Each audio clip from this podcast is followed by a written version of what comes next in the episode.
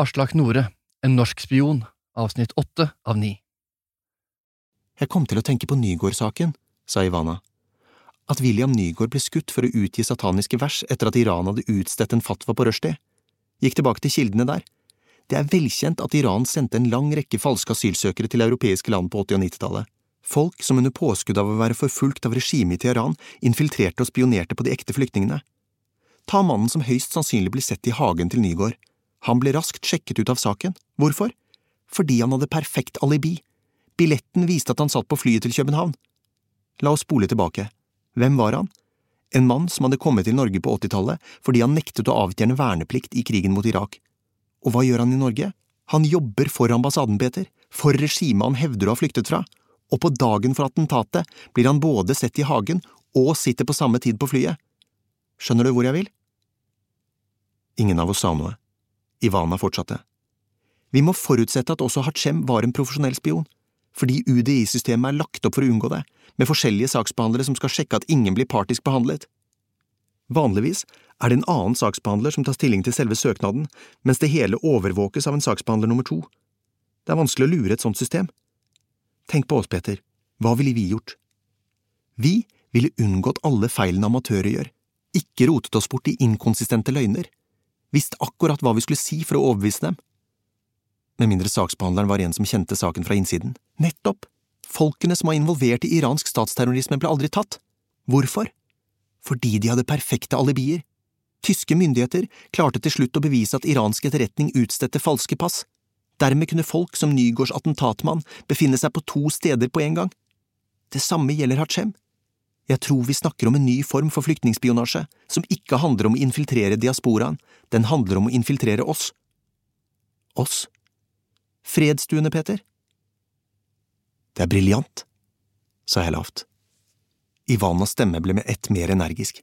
Jeg tror alle disse hendelsene er forbundet på en eller annen måte. Hachems flyktningspionasje, saksbehandleren i UDI, Khan, iranernes angrep mot Norge, jeg vet bare ikke hvordan. Har du en sigg? spurte jeg. Jeg ble sittende tankefull med sigaretten i vinduskarmen. Ivana satte seg forsiktig på stolen ved siden av meg, så rumpa henne så vidt berørte fotbladene mine. Jeg fortalte om møtet med major Husby. Problemet ditt, Peter, er at du som alle nordmenn tror for godt om hva myndighetene driver med. Dere tror myndighetene er gode, ingen andre folkeslag gjør det. Kanskje, men Kristoffer Paus gjør meg urolig. Han er en kynisk smisker og karrierist, men det er noe mer. Vi vet at han var i Dubai da Reza ble drept. Jeg senket stemmen, liksom automatisk, og han er en av dem som kjenner planene for besøket til nordmennene. Peter, vær forsiktig med anklagene nå, tunga rett i munnen. Ikke gå deg vill i speillabyrinten, tenkte jeg. Ansiktet til Achem dukket opp i speilet som en forvrengt silhuett, sammen med høvdingen, med Paus, med admiralen, med Emma. Ivana svarte ikke. I stedet så hun på meg. Har du det bra, Peter? Tonen i stemmen hennes var annerledes, åpen. Hva mener du? Det hadde hun aldri spurt meg om før. Ikke slik.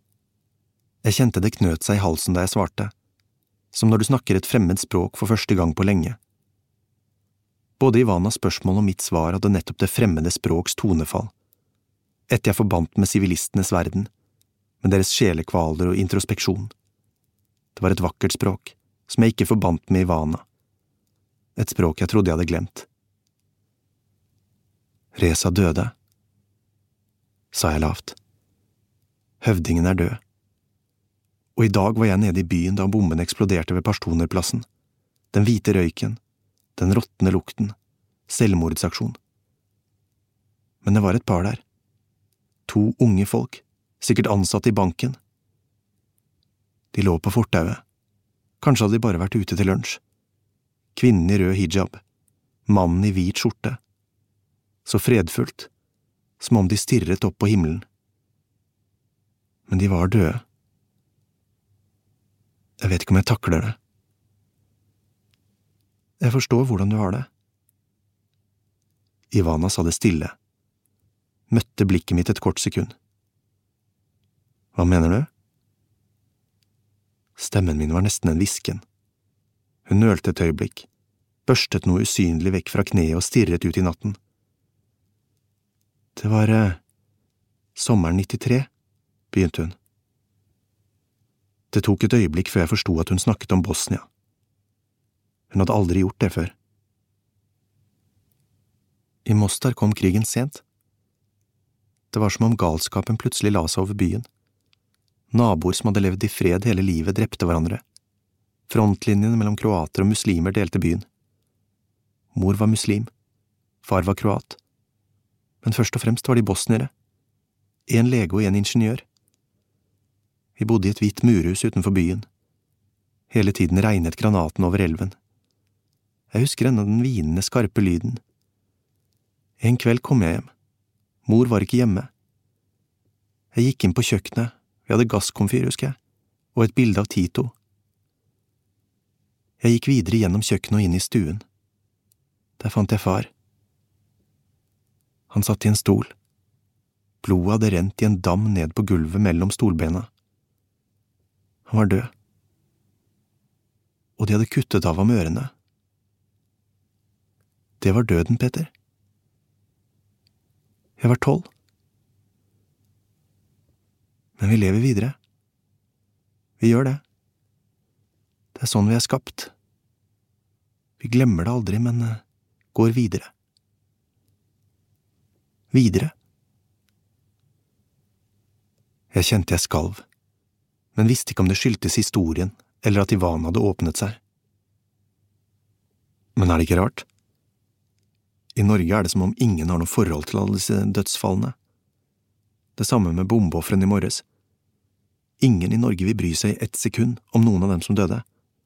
Her er sånt en del av livet, en del av virkeligheten. Men la ett norsk mål bli rammet, og hele nasjonen er plutselig i harnisk. Selv de som ikke kjenner noen av ofrene, reagerer helt annerledes på en slik situasjon. Er det ikke rart hvordan noen menneskeliv er mer verdt for oss enn andre? Jeg blir her i natt, sa Ivana og så kysset jeg henne.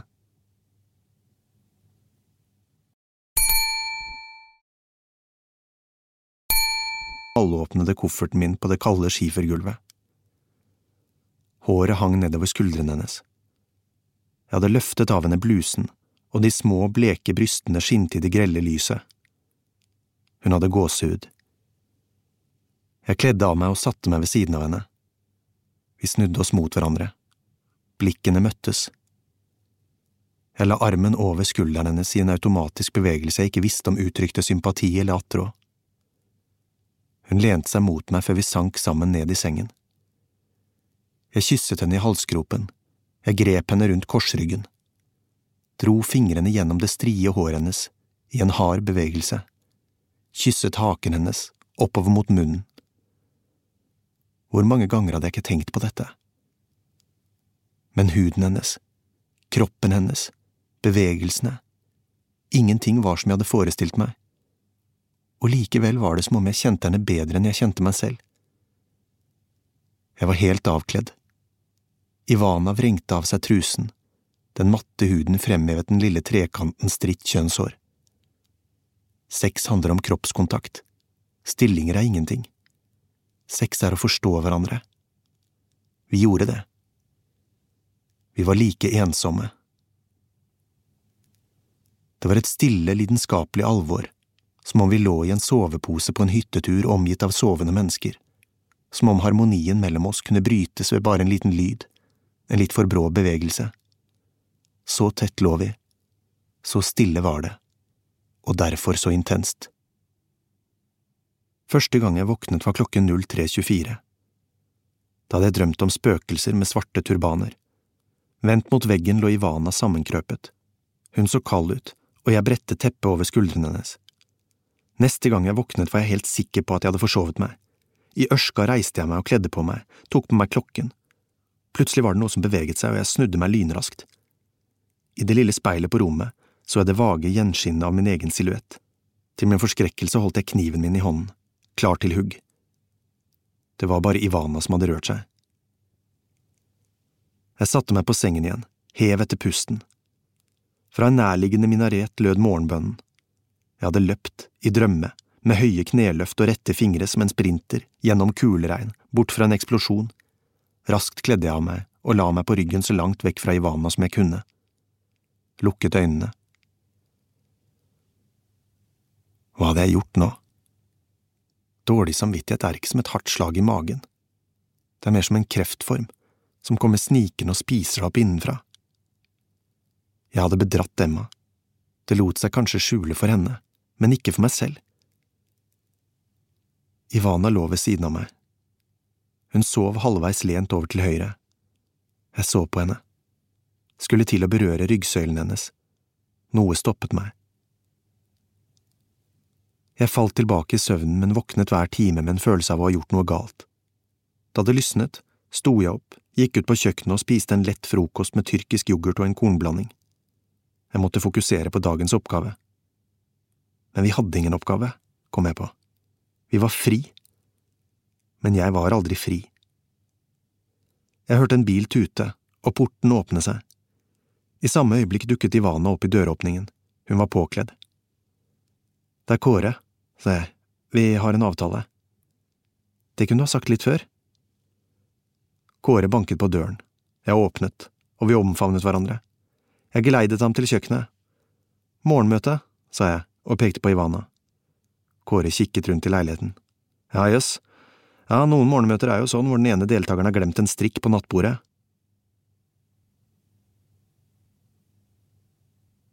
Kapittel 23 Kabul 11. april Solen skinte inn gjennom de skitne vinduene. Det var en praktfull morgen, men jeg var ute av stand til å glede meg over den. Om én dag landet delegasjonen, om to dager var det 13. april. Siden turen i fjellene var det blitt vår i Kabul. På et blunk hadde knoppene på trærne sprunget ut, en svak grønntone hadde lagt seg over det gråbrune bylandskapet.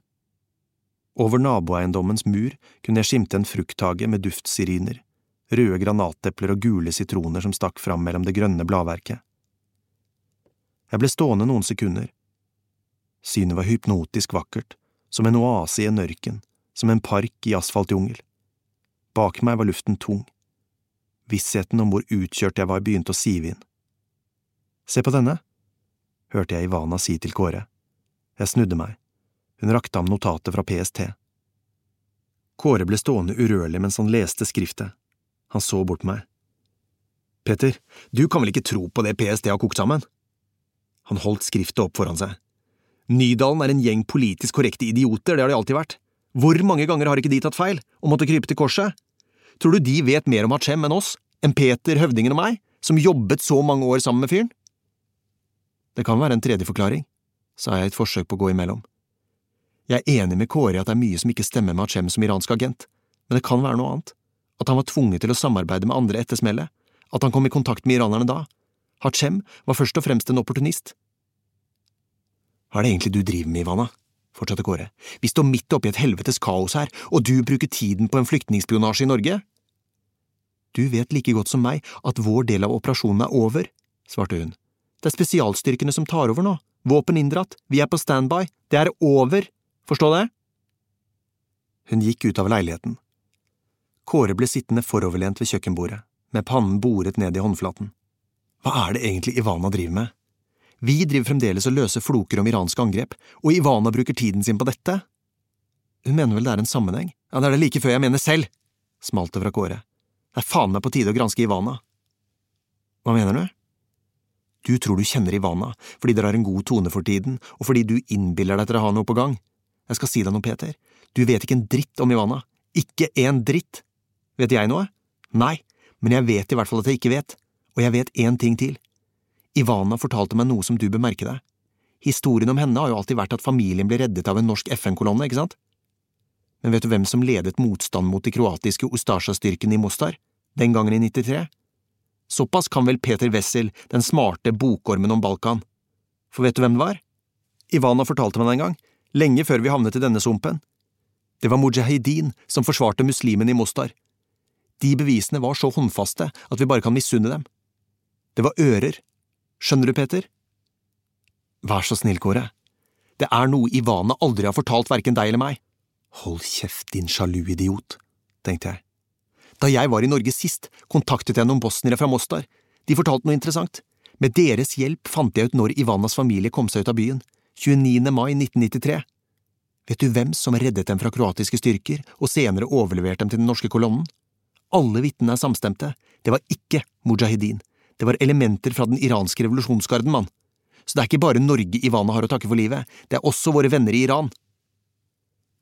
Jeg lukket øynene og trakk pusten. Vær forsiktig med hva du anklager folk for, Kåre. Jeg hørte selv hvor lite overbevisende jeg lød.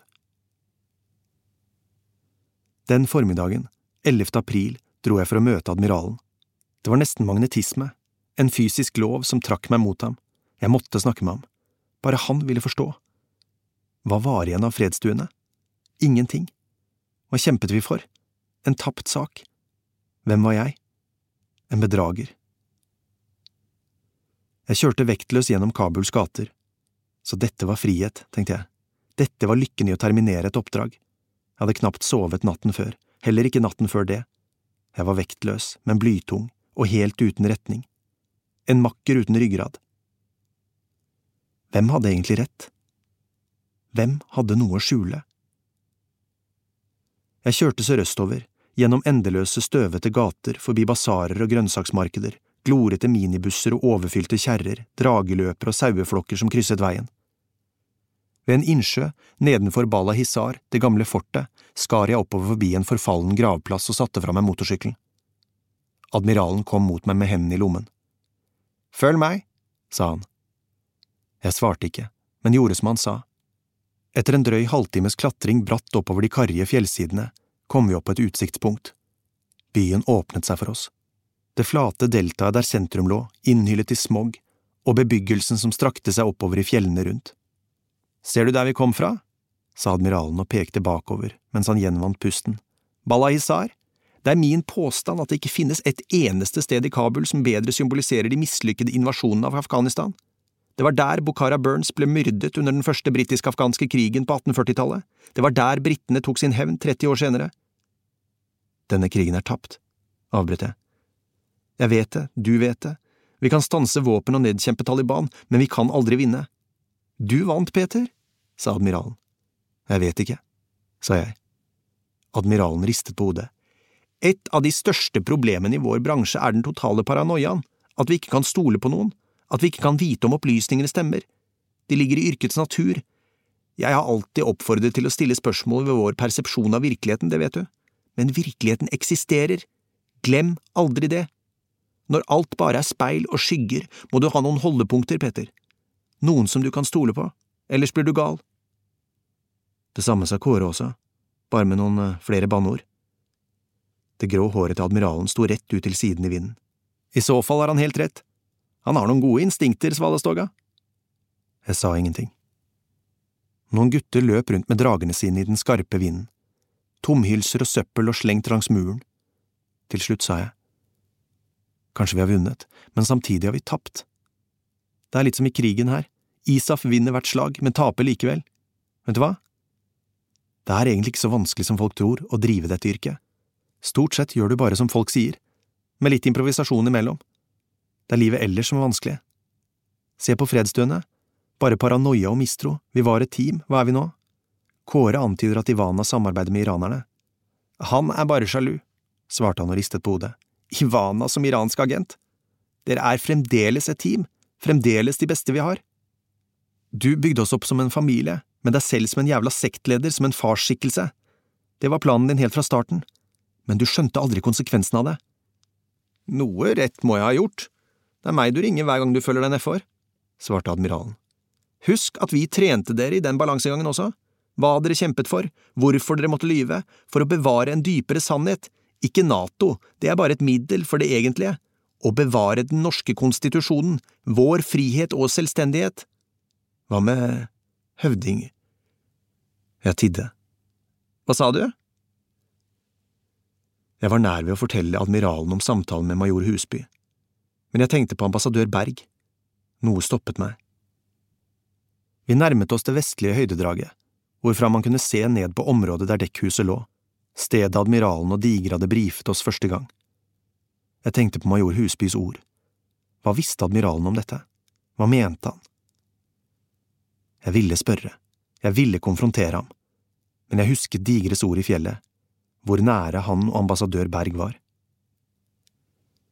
Bratt under oss lå Baburs hage, det praktfullt planerte gravkammeret på toppen av en inngjerdet eiendom av vannkanaler, grønne terrasser og den kvadratiske borggården på karavanseraiet ved inngangen.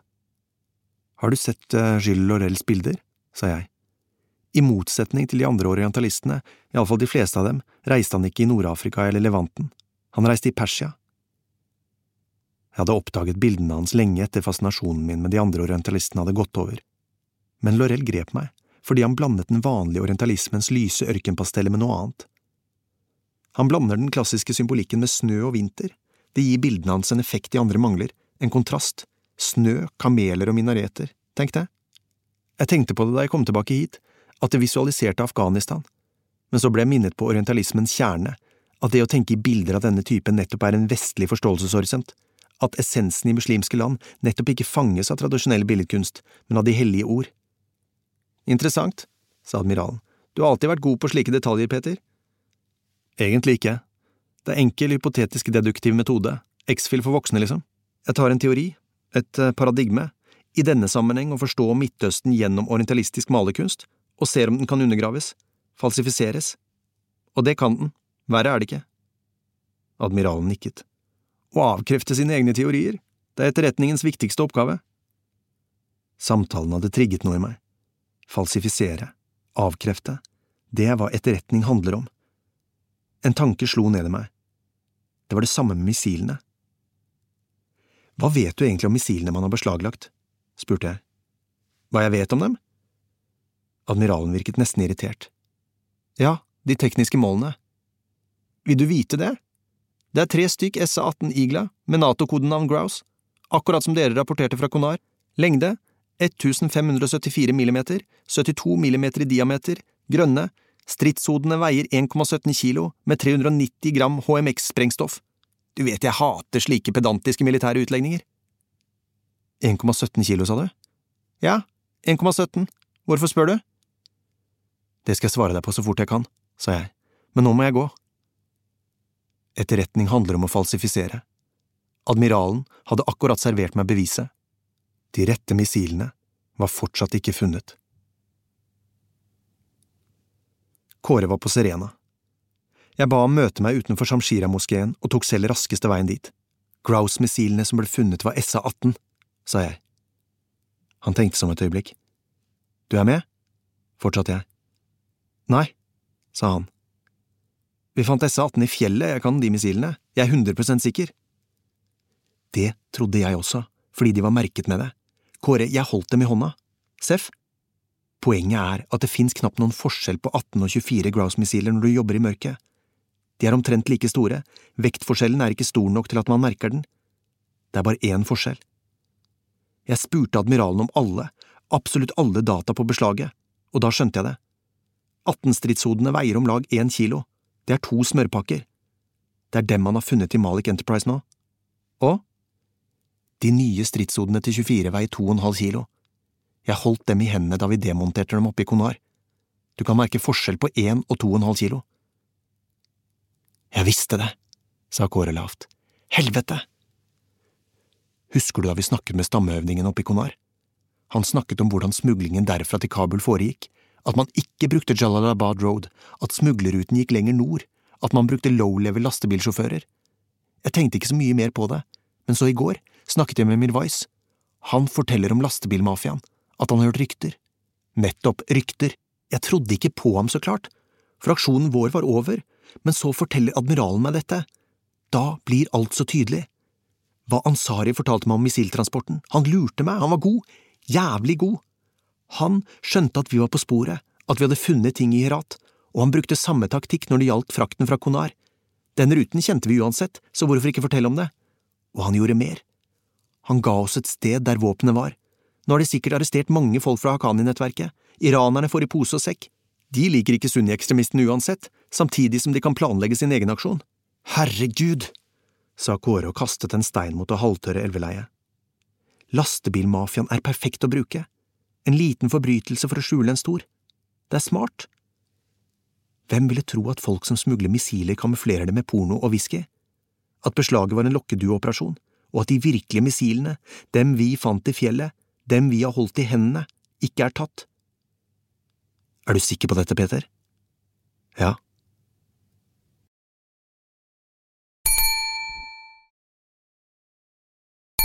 Kåre senket hodet, tenkte et øyeblikk.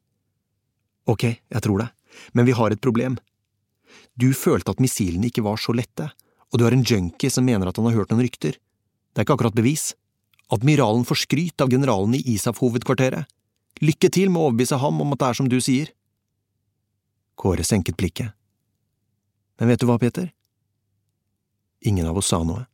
Han stirret på meg. Du har rett. Du har faen meg helt rett. Jeg holdt på å bryte ut i et smil, men tok meg i det. Digre og Ivana, hva gjør vi med dem? Ivana er med, det er jeg sikker på, og jeg vil ikke høre noe mer om at hun ikke er til å stole på, vi er et team, for helvete. Jeg stirret hardt på Kåre. Jeg tenkte tilbake på avhøret av Ansari. Det hadde gått for lett. Han hadde lurt meg. Hvordan kunne jeg være så naiv? Jeg sparket i veggen på moskeen. Jeg ser hva du tenker, sa Kåre og dultet borti meg. Men det er ikke bare du som har blitt lurt. Det er et helt jævla Nato. Vi er frilans nå, Peter, ikke frilansjournalister, fuck det, vi er frilansoperatører. Uten velsignelse fra admiralen er vi ikke bare deniable, vi er deleted. Hvor begynner vi? Vi snakker med doktor Ismael, sa Kåre. De gamle Spetsnaz-pistolene kan komme til nytte nå. Han smilte. Det virket nesten som om han var i godt humør. Vi banet oss vei gjennom trafikkaoset og nådde doktor Ismaels butikk ikke mange minutter senere. På fortauet utenfor låste vi sykkelen og gikk inn. Ingen av oss hadde vært der siden første dagen. Mine norske venner, utbrøt doktoren smilende, kan jeg by dere på te? Neste gang, sa jeg. Så hvilket ærend er det som bringer dere til meg i dag? Det gnistret i øynene til Ismael da han geleidet oss inn på bakrommet. Fungerer motorsyklene som de skal, forresten? Bedre enn bra, sa Kåre. Det gleder meg å høre. Og la meg gjette. Nå kunne dere tenke dere flere varer fra min beholdning? Hva vet du om Haqqani og de andre opprørsgruppene for tiden? Han så på meg. De er under sterkt press. Det sier alle mine kontakter med bånd til dem. Det skyldes dels amerikanernes militære aksjoner i øst, der de kommer fra og har sine frihavner, og det skyldes at alle mennesker, også amerikanske militærstrateger, vurderer framtidens farer med fortidens briller. Slik er krigens natur. Alt forandrer seg, også motstanderen. Det burde dere snart lære. Men siste nytt er at mange Haqqani-folk ble tatt i et lager langs Jalalabad Road i natt. Han dro ut to stykk pistoler, MP445 varejag, og holdt dem drevent i hendene. Som jeg nevnte sist, dere skal få et uh, godt tilbud på disse, et uh, spesialtilbud, vil jeg si. Under mustasjen kom et smil til syne. Det vil si, uh, det kan bli aktuelt å måtte kjøpe dem tilbake fra dere når operasjonen er ferdig.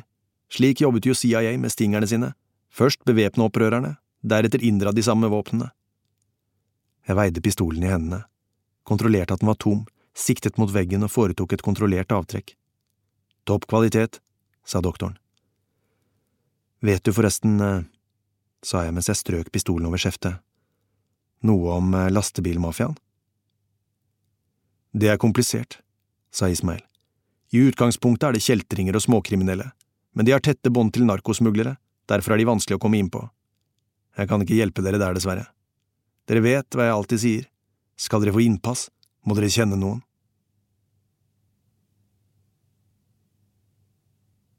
Kapittel 24 Kabul 11. april Mirwai sto omgitt av flaksende byduer ved Shamshira-moskeen, som spiste av hånden hans. Allerede på lang avstand så jeg at han var nykter. Han var trippende og full av energi. Kroppsholdningen hans virket mindre duknakket, blikket fastere. Så der kommer folkene som ikke trodde på Mirwais i går, ropte han. Nå kommer de krypende til korset, men Mirwais har tenkt, han stoler ikke automatisk på sine norske venner. Mirre, jeg beklager. Vi snakket sammen i går, da var du høy som K2, hvordan kunne jeg tro på deg da? Fordi Mirre aldri har løyet til deg, det er mer enn du kan si. Han snakket rolig før han tok et skritt mot meg. Du er faen ikke den du sier at du er, Peter. Hva prater du om? Vi ble stående et par meter fra hverandre. Duene lettet mellom oss. Som et skadeskutt dyr stirret han på meg. Tror du ikke jeg har skjønt det, eller? Vi har levd med krig her, med soldater og krigsherrer og spioner. Vi gjenkjenner sånne folk som deg, skjønner du. Dem som er litt for oppmerksomme, litt for snartenkte, litt for rolige når det smeller. Han pekte på meg. Du er en sånn, Peter, og alt du sa om kunst og hvor bra jeg var, at jeg var Oslos Basquiat og alt det der, det var bare piss. Jeg trodde du var en venn, og en venn som kunne hjelpe meg. Han trakk fram en kniv som var gjemt under en stein, og reiste seg krumbøyd opp mens han viftet den foran seg. Kåre sto noen meter unna. Jævla fittespion, Peter!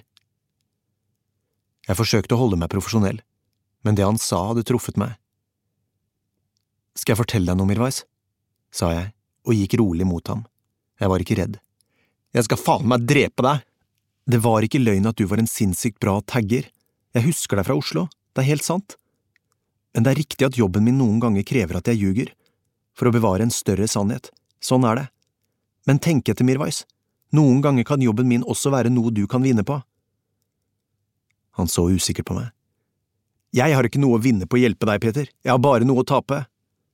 Se deg rundt, Mirre, du har ikke så mye å tape. Fikser du kontakten med dem du snakket om, fikser jeg opphold i Norge for deg. Det er ikke noen løgn. Det er sånne gevinster man gir gode hjelpere i yrket mitt. Dersom du kan gjøre meg en siste tjeneste. Mirwai så på meg med de store øynene sine, ristet på hodet. Vet ikke, kan jeg stole på deg? Nei, det kan du ikke. Men fordi jeg er ærlig når jeg sier det til deg, skal du gjøre det likevel. Du husker Omar Beg? Selvsagt husket jeg Omar Beg. Avtalen med Beg hadde vært at vi skulle finne missilene på lageret i Herat. Det hadde vært en bomtur. Han skyldte meg fremdeles en tjeneste. Det er folk han samarbeider med som står for smuglinga. Jeg møtte Omar Beg samme sted som sist i Kabul, i bygningen som huset et radiostudio. Denne gangen var radiostudioet tomt, mikrofoner og ledninger hang virkeløse over bordet. Mirwais hadde sørget for at jeg fikk møte Begg alene. Sammen med Kåre ventet han utenfor. Det var tidlig på ettermiddagen. I morgen vil den norske delegasjonen lande. Jeg måtte overbevise Begg om at det lønte seg å hjelpe oss. Det måtte skje umiddelbart. Jeg eh, takker også denne gang for at du avlegger meg et besøk, herr Wessel, svarte Begg etter å ha hørt hva jeg hadde å si. Men uh, har du hørt om da Al Qaida ville betale colombiansk mafia hundrevis av millioner av dollar for å forgifte kokainen som skulle smugles inn i USA, så de aller mest vantro av de vantro skulle dø? Colombianerne var fristet. Det var snakk om mye penger, men de var ikke dumme. De forsto at den kortsiktige gevinsten var liten sammenlignet med de langsiktige reduserte inntektene en slik degradering av merkevaren colombiansk kokain ville medføre, så de takket høflig nei. Jeg tror du forstår hvor jeg vil det har jeg også tenkt å gjøre. Beg snakket med den introverte karismaen jeg hadde merket forrige gang vi snakket sammen, og på et engelsk fullt av låneord fra forretningsverden. Jeg var egentlig ikke overrasket. Han hadde virket smart fra første øyeblikk. Han så på meg og fortsatte. Så du ber meg altså om å lokke mine samarbeidspartnere i en felle, for at du og dine vestlige samarbeidspartnere skal få opplysningene dere trenger? Ærlig talt, jeg trodde bedre om deg enn det. Du kan bare glemme det. Jeg minnes at du snakket om hatet mot Iran, sa jeg. Det kan være, men min respekt for mitt spesielle yrkes egenart gjør at jeg av og til må ofre mine politiske overbevisninger. Jeg bestemte meg for å justere taktikken. Jeg kjenner selvsagt fortellingen om Al Qaida og den colombianske mafiaen, men sammenligningen halter, min gode mann. Al Qaidas forslag ville i praksis ødelagt merkevaren kokain for alltid. Som jeg nevnte selv, sa Beg interessert. Du nevnte ikke at mitt forslag er grunnleggende annerledes. Det er ikke merkevaren din som vil bli skadelidende av dette. I verste fall kan du få noen midlertidige logistikkproblemer for ditt produkt, men merkevaren er viktigst. Content is king. Har du et godt produkt, trumfer det alt annet, og det har du. Verdens beste opiater, raffinerte valmuer fra Helman og Sør-Afghanistan, også hvis du samarbeider med meg. Content is king. Begg gjentok det for seg selv. Jeg liker eh, tilnærmingen din, herr Wessel. Hvor lang tid trenger du på å få tak i vedkommende som har samarbeidet om organiseringen med iranerne?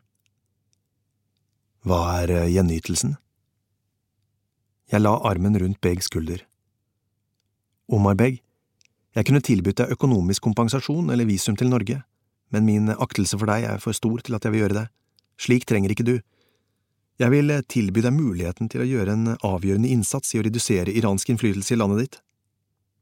Begg svarte ikke. Her er forslaget, sa jeg. Du eller en av dine menn møter iranernes kontakt i kveld. Vi pågriper dere, fordi han har snakket med iranerne vil han tro at grunnen til pågripelsen skyldes avlytting og terrorplanlegging, ikke at du er involvert. Vi arresterer deg også. Vi får informasjonen vi trenger av ham, du får knust iranerne som du alltid har villet, du gjør det for komplisert, herr Wessel. Jeg skal ikke under noen omstendighet blandes inn i dette. Men du har rett, ut fra et bedriftsøkonomisk synspunkt. Jeg skal gi dere mannen dere trenger. Det gleder meg å høre, Mr. Begg. To gater bortover, 20 meter inn i et smug fra hovedgaten på høyre side, pekte han, ligger en pokerklubb. Den er drevet av en kineser. Klientellet er en blanding av kinesiske veiarbeidere og rike afghanere. Få vestlige folk har adgang men slapp av, det kan vi fikse. Han ga meg navnet vi skulle oppgi i døren. Mannen dere trenger å finne, vil være der. Dere får ingen navn om meg, men han vil være lett gjenkjennelig. Han har et stort arr på høyre side av ansiktet. Hva dere gjør med ham, er ikke min sak. Han reiste seg og ledet meg ut av rommet. Nå skilles våre veier. Han lente seg over mot meg, som om han skulle klemme meg. Det har vært en glede å lære deg å kjenne, Peter Wessel. Men skulle du komme til å nevne mitt navn i anledninger der det ikke hører hjemme, kommer jeg til å bruke den tiden jeg trenger på å finne deg. Så vil jeg skjære halsen av deg. Deretter vil jeg gjøre det samme med din familie. Han smilte, nesten ydmykt og la hånden på hjertet. Jeg har eh, få igjen, Mr. Begg, sa jeg. Men eh, jeg skal huske på hva du sier. Jeg møtte de andre da ettermiddagen var i ferd med å gå over til kveld. Kåre og jeg bestemte oss for å ta møte i Digres Landcruiser, noe han takket ja til. Hvis vi parkerte et avsidesliggende sted og trakk gardinene for, burde vi være trygge. Vi hadde diskutert om vi skulle holde Digre utenfor, men han var en av oss nå. Vinduene dugget, luften var tung av nerver og usikkerhet. Hvor er admiralen? spurte Kåre. Han er eh, sammen med ambassadør Berg. Da får vi klare oss uten ham. Dere bør ha en god grunn til å gjøre dette, sa Digre. Operasjonen er ikke over, sa jeg, og fortalte historien i sin helhet, om landsbyfolkene i Konar, om Ansari i Maimana, om Mirwais, om Omar Beg. Ivana sa ingenting, men øynene var smale og fokuserte. Vi må stoppe delegasjonen, sa Digre, bare admiralen har pondus til å gjøre det. Det er flere hindringer i veien. ISAF-ledelsen er sneversynte. De er overbevist om at bakmennene er tatt, og afghanerne vil ikke stenge flyplassen. Det innebærer at de mister ansikt. Én ting er flyplassen, men delegasjonen kan fremdeles stoppes, sa Ivana. PST kan avlyse reiser til Afghanistan på sekundet hvis sikkerhetssituasjonen ikke er god nok. Det var klamt i bilen. Alle snakket lavt. Selvsagt, svarte Digre, men de forholder seg til offisielle trusselvurderinger, og den sier at det er trygt å reise. Ingen andre enn oss vet om dette.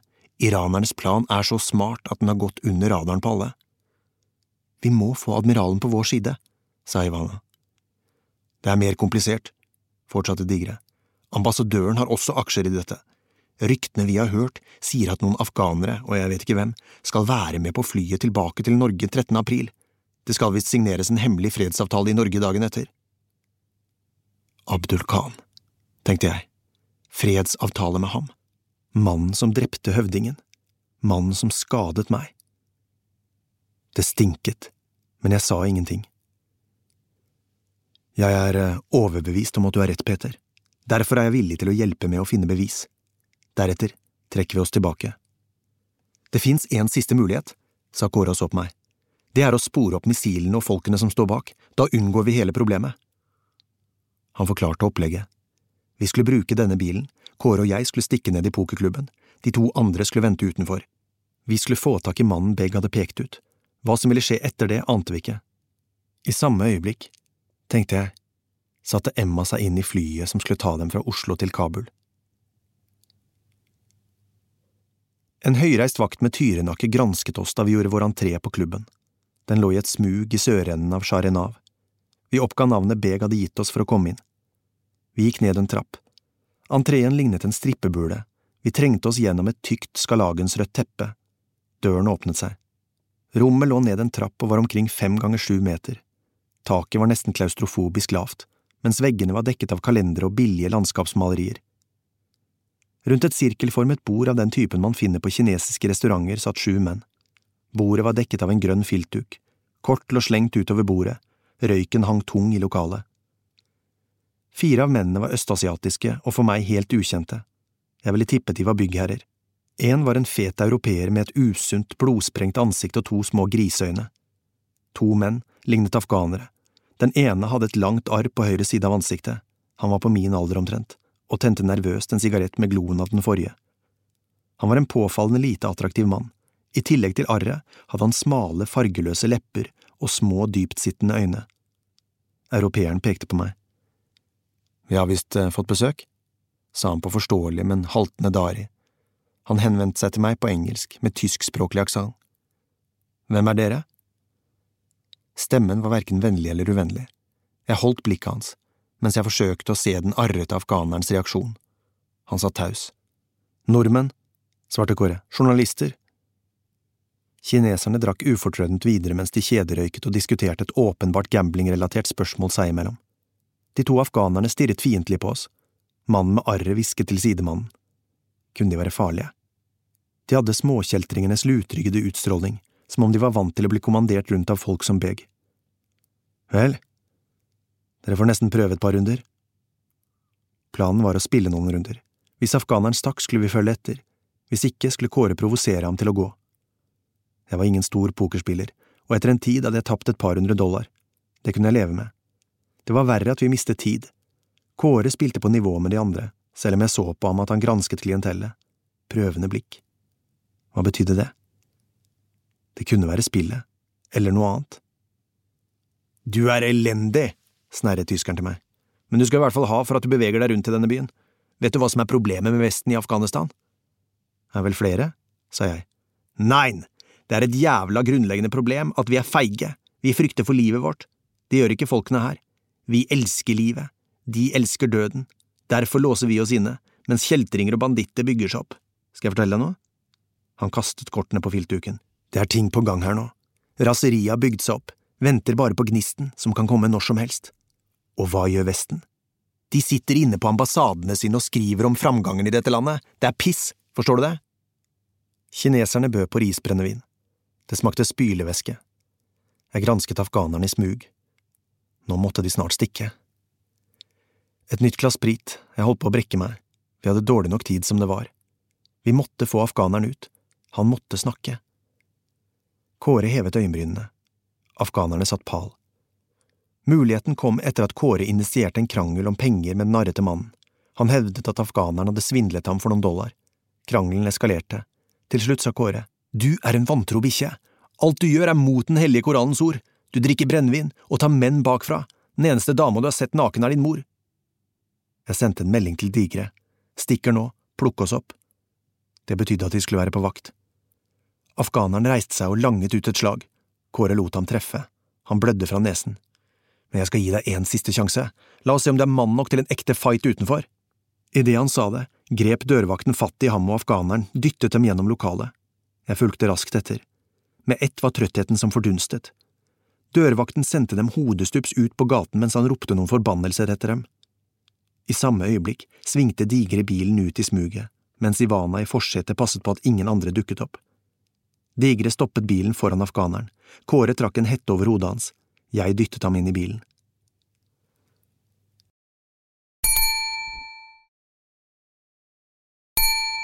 Dere er døde menn mumlet mannen med ansiktsskjerfet på gebrokkent engelsk. Vi satt i leiligheten min i Kuali Fatula.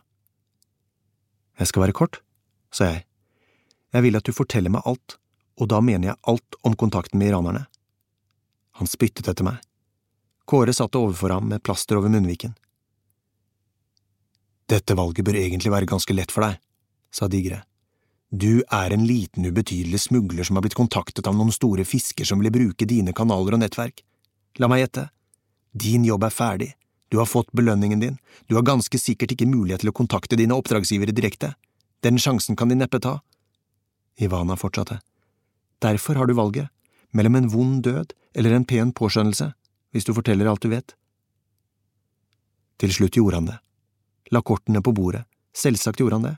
Han var ingen ansari, han var en kjeltring, og kjeltringer mangler trening i å motstå press. Det begynte for et par uker siden, sa mannen skjelvende. En dag i Konar kom en iransk mann til en av våre folk. Ja, det er faktisk iranere i Konar nå, ikke bare arabere. Han visste at vi drev med opplegg over grensen, alkohol og sånne ting fra Pakistan, og han visste at virksomheten vår ikke pådro seg samme oppmerksomheten som alle opprørerne. Amerikanerne har kjørt dem hardt. Smugleren gjorde en pause. Uansett, vi bryr oss ikke om opprøret, vi tenker på å tjene penger, derfor har vi holdt oss utenfor alle mulige opplegg med dem. Men dette var annerledes, ingen store våpentransporter, ingen selvmordsvester, to små kasser, gjemt inni en av lastebilene, blant andre mindre farlige smuglervarer, det var så enkelt, og mer penger enn vi kunne drømme om, for en jobb som var temmelig sikker. Hva skjedde så? Transporten gikk smertefritt, helt uten problemer, langs aksen som går fra Korangaldalen og inn i Noristan og videre mot Kabul. To små kasser, det var alt. Var du med på selve turen? Det var Kåre som spurte. Siste del, svarte han, bare for å koordinere. Hvor eh, overtok iranerne? Vent, vent, vent, sa han, iranerne er smarte. Tror du sjefene selv sto og tok oss imot? Nei, vi møttes på et lager i Vardak utenfor byen. Der dukket en mann opp, han presenterte seg ikke, men snakket med iransk aksent. Han lastet opp varene og forsvant. Jeg forbannet meg over at jeg ikke hadde bilder av Mustafa Hachem. Jeg prøvde å sette meg inn i hva jeg ville gjort hvis jeg var i iranernes sko. Da ville jeg gjort omtrent som denne mannen forklarte. Noe navn i det hele tatt? Et eller annet? Ikke egentlig, svarte han. Ingen navn da vi forhandlet med dem, selvsagt ikke, de kom til oss, de arrangerte pickupen, så forsvant de. Tenk etter, sa jeg. Det må være noe. Det gikk et rykte, oppe i Konar, der de er vant til sånne folk, om at en kjent iransk martyr, Amir Katami, var mannen bak. At det var han som organiserte. Jeg vet ikke, det er alt jeg vet.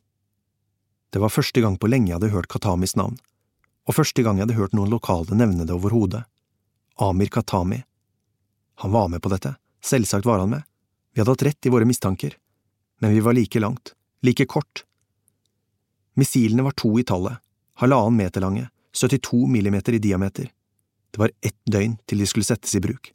Kabul hadde angivelig fem millioner mennesker. Jeg satte meg tilbake og lukket øynene. Vi hadde ikke en sjans. Ikke sjans. Han fyren her er jo helt grønn. Kåre gjorde mine til å gå. Det er ikke mer å hente her, vi stikker. Helt til slutt, sa jeg og forsøkte å bevare den profesjonelle tonen, hvordan fikk dere betalt av iranerne? Mannen vred på seg. Han visste noe. Hvordan fikk dere betalt? Skjelvende dro han opp en kvittering fra jakken. Kvitteringen var en overføring registrert mellom Kabul Bank og Islamic Bank i Dubai. Det viste to kontonumre. Homerun, tenkte jeg. Endelig har vi litt flaks. Vi trengte det nå. Jeg vet ikke hvem de tilhørte, sa han. Kåre dro med seg mannen ut. Jeg så på Ivana. Hva sier du? Du kjenner folk i Dubai? Det kan bli vanskelig. Bankene i Dubai er restriktive, og revolusjonsgarden har garantert kamuflert betalingen gjennom et stråselskap, men jeg skal prøve.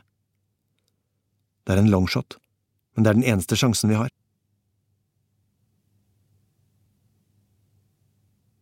Kapittel 25 Kabul 12. april det var 12. april. Jeg våknet av at telefonen dirret på nattbordet. En melding fra Emma. Delegasjonen hadde landet i Masare Sharif. Hun virket opprømt. Jeg gned søvnen ut av øynene. Kåre sov på en madrass ved siden av meg. Han hadde satt av smuglerne utenfor byen. Han satte seg opp. Hva gjør vi? spurte jeg. Flyplassen. Vi må prøve å finne ut mer om hvor Katami skal skyte fra. Vi vet ikke om det er Katami. Kåre så på meg. Katamis navn har dukket opp flere ganger i det siste. Det er han som kommer til å gjøre det, tro meg, men vi må finne ut hvilken location han har tenkt å bruke for skytingen. Kabul International Airport, kaia, lå nord i byen der bebyggelsen sluttet, naturlig avgrenset av en åskam på nordsiden som strakte seg parallelt med rullebanen. Vanligvis kjørte man dit forbi Masud-obelisken, rett sørfra, men denne gangen valgte jeg en annen rute, gjennom Kuala i Fatullah og forbi noen nybygde blokker, så jeg nærmet meg flyplassen fra den brede motorveien på vestsiden. Vi kjørte den lange runden rundt flystripen og bega oss oppover i åsen bak. Etter noen minutters kjøring mot åskammen ble vi stoppet av et befestet afghansk sjekkpunkt. Videre ville vi ikke komme, så vi stoppet motorsykkelen i veikanten nedenfor. Like bak oss lå et utspring hvor man kunne se ned mot sperringene til rullebanen. Noen gamle sovjetiske flyvrak lå skrotet på den flate sletta. Hver gang jeg hadde landet her, tenkte jeg på hvordan opprørerne kunne ramme flyet jeg satt i. Ville de skutt fra åskammen eller fra den tette bebyggelsen? Begge deler var mulig. Åsen ga best oversikt og var samtidig sterkest befestet. Slumbydelene ga dårligere sikt, men større mulighet til ikke å bli oppdaget. Det trengte du ikke mye operasjonell kunnskap for å skjønne. La oss tenke at vi skulle angripe flyplassen med missiler, sa jeg. Hvor ville du skutt fra? Med hånden som skygge for øynene speidet Kåre ned mot rullebanen og byområdene bak det igjen, alt innhyllet i formiddagsdis. Åsen her er det mest åpenbare stedet, sa han, best sikt på grunn av høydedraget, men eh, den afghanske hæren har mange stillinger der, som vi har merket, er det noe sted de ikke har kontroll på? Ana har stålkontroll der, historien viser det, alle har ventet på et angrep mot flytrafikken i Kabul, men det har ikke kommet. De er gode når de vil. Kåre resonnerte som alle andre yrkesmilitære, med at et anslag ville skje i form av et sjokkangrep mot de afghanske militærbasene på Åskammen, etterfulgt av raskt avfyrte missiler. Egentlig er jeg mer engstelig for et komplekst angrep mot flyterminalen, fortsatte han, og pekte mot den lave terminalbygningen, Mumbai-style, man sprenger seg gjennom sikkerhetsperimeterne med lastebiler, sender inn et lag med angripere, med automatvåpen og selvmordsvester. De tar kontroll over terminalen, derfra kan de drepe folk og skyte mot fly som tar av og lander. Klassisk Haqqani-strategi. Hvorfor stenger ikke afghanerne flytrafikken? sa jeg, da hadde vi sluppet dette. Du kan så si. Han speidet mot rullebanen. Faren er offisielt over. Afghanistan er en jævla æreskultur, å stenge flyplassen er å vise verden at de ikke har kontroll. Derfor tror jeg ikke på noe storskalaangrep, sa jeg. Hvis det faktisk var Haqqani eller Al Qaida som sto bak, kunne jeg trodd på det. Jeg tror mer på et lavprofilangrep, et par missiler, en eller to angripere. Faen, Kåre, de kan ligge på hvert jævla hustak i to kilometers radius til rullebanen. Kåre la armen rundt meg. Ikke tenk sånn, Peter. Det går bra. Det må gå bra. En utmattende desperasjon flommet innover meg da vi kjørte ned igjen. Jeg tenkte på Emma. Nå var de på vei til den norske leiren i Faryab. Om under ett døgn skulle de ta av herfra. Hva kunne vi egentlig gjøre? Bak meg hørte jeg noen smågutter rope etter meg. En bil tute til meg. Jeg sto bredbent over motorsykkelen, Kåre ved siden av meg. Bak oss fløt trafikken bedagelig av gårde. Fra minaretene lød bønneropene Allahu akbar! En fare er summen av mennesker, handlinger og gjenstander som ikke passer inn i synsfeltet. Vi hadde kommet ned på sletta og stoppet ved piggtrådsperringene mot landingsstripen. Nå sto vi slik at åskammen vi akkurat hadde besøkt, lå rett foran. Jeg oppfattet faren først. To motorsykler var på vei inn i synsranden. Så langt, ikke noe uvanlig. To menn, kledd i svart. Jeg fulgte bevegelsene deres. De to motorsyklene holdt tett avstand. Det var to på hver sykkel, og idet de var om lag 30 meter fra oss, hevet passasjeren på hver sykkel hvert sitt geværløp. Så kom frykten. Kåre! brølte jeg, de skyter! I veikanten mellom kjørebanen gikk en liten grop, om lag en halv meter dyp. Jeg kastet meg ned. Nå hadde Kåre også oppfattet situasjonen, men han befant seg et par meter unna meg. Han grep etter pistolen. Vent! skrek jeg. Skaff dekning! Røykgranaten. Den vi hadde fått på første møte. Jeg hadde den lille kannen i lommen fremdeles. Skuddene spratt rundt oss. Med all kraft kastet jeg den sylinderformede boksen i retning angriperne, mellom dem og Kåre. Det gamle militære kredoet, legg røyk, trekk ut. Den må virke, ba jeg, den må funke. Det gjorde den. Hvit røyk flommet ut av boksen, det la seg som en sky over veien, mellom dem og oss. Kåre, er du der? I le av røyken reiste jeg meg og stormet mot stedet jeg antok sykkelen sto. noen meter unna. Kåre! I det samme hørte jeg Kåre starte motorsykkelen med et drønn. Sykkelen steilet, han spant bortover veien gjennom røyken. Bilistene tutet rundt oss, gjenklangen fra skuddene ble fjernere. Hvor var angriperne? Jeg skimtet dem bak oss. Vi kjørte slalåm mellom den stillestående køen, skrapte opp et par biler med håndtaket. Folk hyttet med neven etter oss. Stoppet ikke før vi var kommet ned til parken i Sharinav. Det var nære på, sa Kåre. Han pustet tungt. Hadde mistet røygranaten min, men jeg skjønner prinsippet med å ikke skyte folk her, nå slipper vi det minste av politiet etter oss. Jeg har fått melding fra Ivana. Det var to meldinger. De måtte være sendt omtrent da vi ble angrepet. Har nytt om Dubai, må møtes asap. Deretter, for to minutter siden, svar. Ivana sto parkert utenfor karavanseraiet til Baburs hage. Ansiktet hennes avslørte ingen sinnstilstand. Hun virket bare skjerpet. Vi satte oss inn i bilen. Vi har gyldig grunn til å komme for sent, sa Kåre. Ivana lyttet med en streng mine mens han fortalte hva som hadde skjedd. Kan de fremdeles spore dere? spurte hun. Nei, sa jeg. Bra, svarte Ivana, for jeg har sporet kontonummeret. Via sine kontakter i Dubai-politiets avdeling for bekjempelse av økonomisk kriminalitet hadde Ivana fått tilgang til de ellers klassifiserte pengeoverføringene mellom de afghanske smuglerne og deres oppdragsgivere. Den afghanske smuglersjefen hadde flere konti i Dubai. Det viste seg at en av dem hadde mottatt flere overføringer fra et bestemt selskap. Stort sett var det snakk om mindre beløp, men for to dager siden hadde han plutselig fått om lag 150 000 dollar inn på kontoen. Og dette beløpet, sa Ivana, kommer fra et sted vi kjenner. Luften var tett i bilen. Det kommer fra et kunstgalleri, Gallery 53. Jeg gispet. Tenkte på Reza. Det var lenge siden jeg hadde tenkt på han nå. Kalligrafien på veggene, på terranet. Var galleriet et dekkhus? Det var for så vidt ikke noe sjokk, Reza hadde jo sagt at det var mange av hans folk der, og Hachem hadde jo vært der. Men tenk at vi hadde vært så nære. Hadde Terane drevet et dobbeltspill? Det betydde ingenting for oss nå. Eller gjorde det? Det er mer, sa Ivana saklig, for mannen som har foretatt overføringen, er Mr. Amir Katami. Kåre og jeg stirret på hverandre med åpen munn. Vi måtte nesten se åndssvake ut der vi satt. Men eh, jeg kjente hvor hul røsten lød. Katami er etterlyst, er han ikke? Hvordan kan han foreta overføringer i eget navn? Bankene i Dubai praktiserer stor diskresjon. Det er deres oppskrift. Derfor flyttet så mange arabere pengene sine dit etter 11. september. Informasjonen jeg har fått, har bare kommet meg i hende fordi jeg kjenner folk. Dugg på vinduene. Men finnes det noen spor fra Dubai til eventuelle iranske dekkforetak her i Kabul? Det må finnes, vi er helt avhengig av det. Ivana fortsatte. Etter at jeg fant opplysningene om Gallery 53, sjekket jeg pengestrømmen derfra. Det viser seg at det flyttes store beløp mellom galleriet og et iransk telekomselskap. Hun så på oss. Nord Telekom.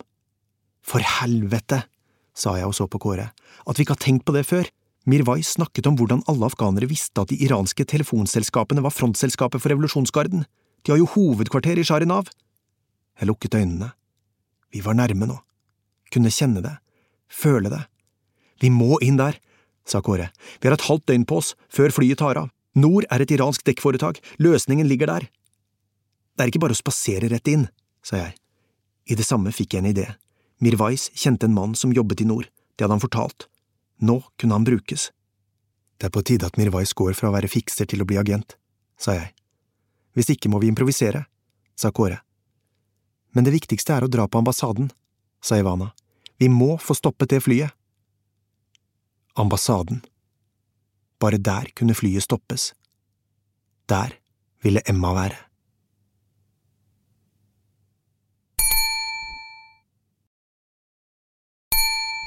Kapittel 26 Kabul 12. april Mirwais brukte ikke lang tid på å takke ja til oppdraget han ble tildelt.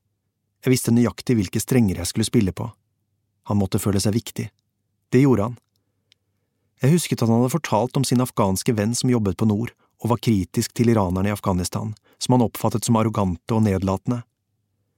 Han hadde hjulpet Mirwais med telefonen før vi reiste til Herat. Han hadde nøkler til rommene. Sammen skulle de inn i Nords hovedkvarter. Jeg hadde instruert Mirwais i hva han skulle lete etter, bilder av fly, kart og våpen. Mistenkelige folk, alt som virket unaturlig i et telefonselskap. Du har blikket, Mire, hadde jeg avsluttet, vis meg hvor god du er. Det var Mirwais som var vårt håp nå, tenkte jeg motløst. Vårt eneste. Men vi kunne ennå stoppe det norske flyet. Klokken var halv seks da jeg entret det norske ambassadefortet, legitimerte meg for vaktene og vandret gjennom de to slusene som skilte området fra landet utenfor. I gatestumpen gikk gjestene mot ambassadørens residens. Jeg mintes sist jeg hadde vært på en slik tilstelning. Da var det fremdeles vinter. Nå var det vår. Vi visste mer nå. Jeg måtte finne admiralen. Og der var Emma. Hun sto midt i den avsperrede gaten da hun fikk øye på meg. Håret hang i en løs hestehale som dinglet over den bare og bleke nakken hennes. Hun slapp det hun hadde i hendene og løp mot meg, kastet seg rundt halsen min. Hun luktet det samme, Tøymykner og Kent. Afghanistan er så utrolig vakkert. Da vi fløy over fjellene, tenkte jeg at det er det vakreste landet jeg har sett. Hvordan har du det, Peter? Fortell. Fortell om hva dere driver med, om menneskene du har møtt, om alt. Jeg vil høre det. Hun grep hånden min på vei til residensen, klemte den så vidt. Jeg smilte. Som sist sto ambassadør Berg i døren. Han komplimenterte Emma belevent og sa noe om viktigheten av fryktløsere reportere i Afghanistan. Ambassadøren markerte at audiensen var over. Her var den vanlige kabelcrowden, diplomater i dress og hjelpearbeidere i fotside kjoler, offiserer i uniform og lokale parlamentarikere i sjalvar kamis, og admiralen. Han sto sammen om politikere fra Emmas delegasjon. Jeg var i ferd med å bane meg vei bort til ham, men Emma stoppet meg. Jeg er så lei meg for at vi har kranglet så mye. Jeg forstår at dette ikke er lett for deg, sa hun, å blande jobb og privatliv på denne måten. Jeg så på henne. Hun så fabelaktig ut. Jeg stirret utover forsamlingen. Abdul Khan sto i et hjørne, omgitt av sine egne. Han var en vakker mann, ikke mange årene eldre enn meg, med et symmetrisk ansikt og en følsom munn under det knyttnevelange skjegget. I et langt sekund ble jeg stående urørlig. Abdul Khan, som hadde drept høvdingen. Jeg så ned på mitt eget arr jeg skimtet på venstre underarm, kjente raseriet flomme gjennom meg, like sterkt som en plutselig fryktreaksjon. Men hvem skulle raseriet rettes mot? Khan var en realpolitiker. Det var nordmennene også. Jeg må snakke med dem noe, sa jeg alvorlig og dro Emma til side. Du høres så dyster ut. Emma smilte. Jeg forsøkte å holde masken, holdt blikket på arret på venstre hånd. Si meg en ting, Emma, hva vet du egentlig om Abdul Khan? Hva mener du? sa Emma. Hvorfor er Abdul Khan her i dag? Det er du som er Afghanistan-eksperten her. Er det fordi han skal til Norge i morgen? Jeg skal si det nå, Emma. Si meg en ting, Petter. Spør du meg fordi du er interessert, eller spør du meg fordi det er jobben din? Hun reiste seg. I så fall kan du dra til helvete. Jeg så ryggen hennes da hun forsvant ut blant folkene igjen. Fikk en melding fra Mirwais. På nord nå, sammen med min kompisen. Virker som han vet noe. Ikke bekymre deg. Kjør på, Mirwais, tenkte jeg. Hvor var de andre? Admiralen hadde forsvunnet igjen. Unngikk han meg? Kåre sto i et hjørne, reiste seg og gikk mot oss da han møtte blikket mitt. I det samme kom Kristoffer Paus halsende inn. Hvor hadde han vært nå? Han hengte av seg jakken. Jeg fulgte ham med blikket og la merke til at han trakk fram en lapp fra lommen da han snakket med ambassadens sikkerhetssjef. Så la han papiret tilbake i jakken. Minglingen ble avbrutt av ambassadør Bergs tale, hvis innhold forekom alle, kanskje bortsett fra de yngre karrieristene i UD nokså selvfølgelig og intetsigende. Den var dårligere enn sist gang. Jeg så meg rundt og gikk diskré bort til garderoben. Hvilken jakke tilhørte Paus? Jeg dro fingrene over jakkeermene. Moods of Norway. Selvsagt, den var hans. Jeg kikket meg bak skulderen. Et lavt stemmesurr fra rommet ved siden av med et norsk tonefall for selv om jeg ikke oppfattet hva de sa, kunne jeg høre hvilket språk de snakket. Det var en mindre og mer nasjonal sammenkomst denne gangen. Lav klirring i glassene. Jeg stakk hånden ned i jakkelommen, kjente en kam mot fingertuppene, et kondometui, you wish, tenkte jeg. Så merket jeg den glatte overflaten av papir. Sannsynligvis en billig utskrift, tenkte jeg. Jeg tok papiret langsomt opp av lommen mens jeg kontrollerte at jeg ikke var blitt oppdaget. Så leste jeg. Notat. Hemmelig. Passasjerliste for ekstraflight Kabul–Oslo 13. april, Gulfstream 4, adgang 06.30, ankomst 12.00. Miss Emma Goldstein, Norge. Mr. Besitullah Gul, Afghanistan. Mr. Abdul Khan, Afghanistan.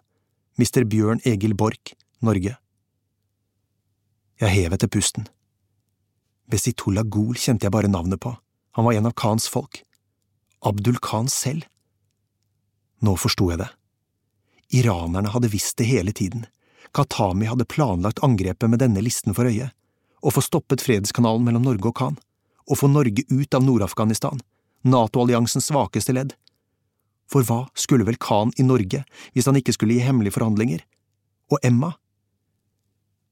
Jeg så i taket og lukket øynene. For dette hadde jeg visst hele tiden. Det var bare et skriftlig bevis. For det var det siste navnet som virkelig fikk meg til å gispe. Mr. Bjørn Egil Borch. Han hadde ikke brukt navnet på mange år, så lenge at jeg nesten hadde glemt hvordan det så ut på trykk. Det var admiralens egentlige navn. Jeg la notatet tilbake i lommen. Det flyet må ikke ta av, tenkte jeg. Admiralen. Hvor var han nå? Jeg så Emma stå i passiar med en gruppe hjelpearbeidere, en kjekk homse som jobbet i Verdensbanken, et par representanter for Norsk Folkehjelp. Da så jeg admiralen skride gjennom rommet. Endelig. Jeg var på vei bort til ham da telefonen ringte. Mirwais. Heldigvis. Faen. Jeg snudde og gikk tilbake til gangen. Peter, Peter, Mirwais har nyheter til deg. Hans venn kjenner alle rom i nordbygningen, har nøkkel overalt. Han står her, inne på et rom til en eller annen sjef eller noe, med et kart. Et kart? Jeg forsøkte å kontrollere pusten. La det være det vi trenger, tenkte jeg. Var det noen som hørte hva jeg sa? Kartet er… Eh, han raslet med det. Mirwais er ikke så god til å lese kart, men det er over Kabul. Ja, det er det. Et Kabul-kart kommer du ikke så langt med, jeg er redd.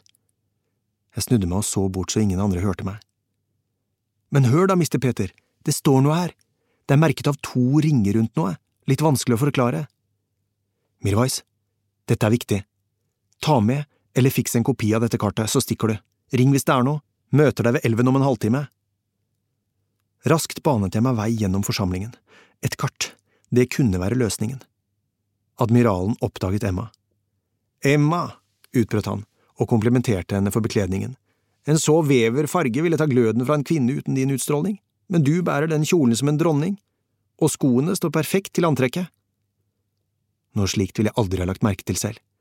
Vi skal forresten ta samme fly hjem i morgen, du og jeg, la admiralen til. Kan dere ikke ta en ekstra dag i Kabul, vi kunne jo stikke til Bamiyam, sa jeg og så på Emma. Ikke mulig, sa hun. Én ting er jobben, en annen ting er at vi er underlagt det norske sikkerhetsreglementet når vi er i Afghanistan. Jeg sa ingenting. Peter er bare sliten, sa admiralen og smilte i min retning mens han klappet meg på hodet.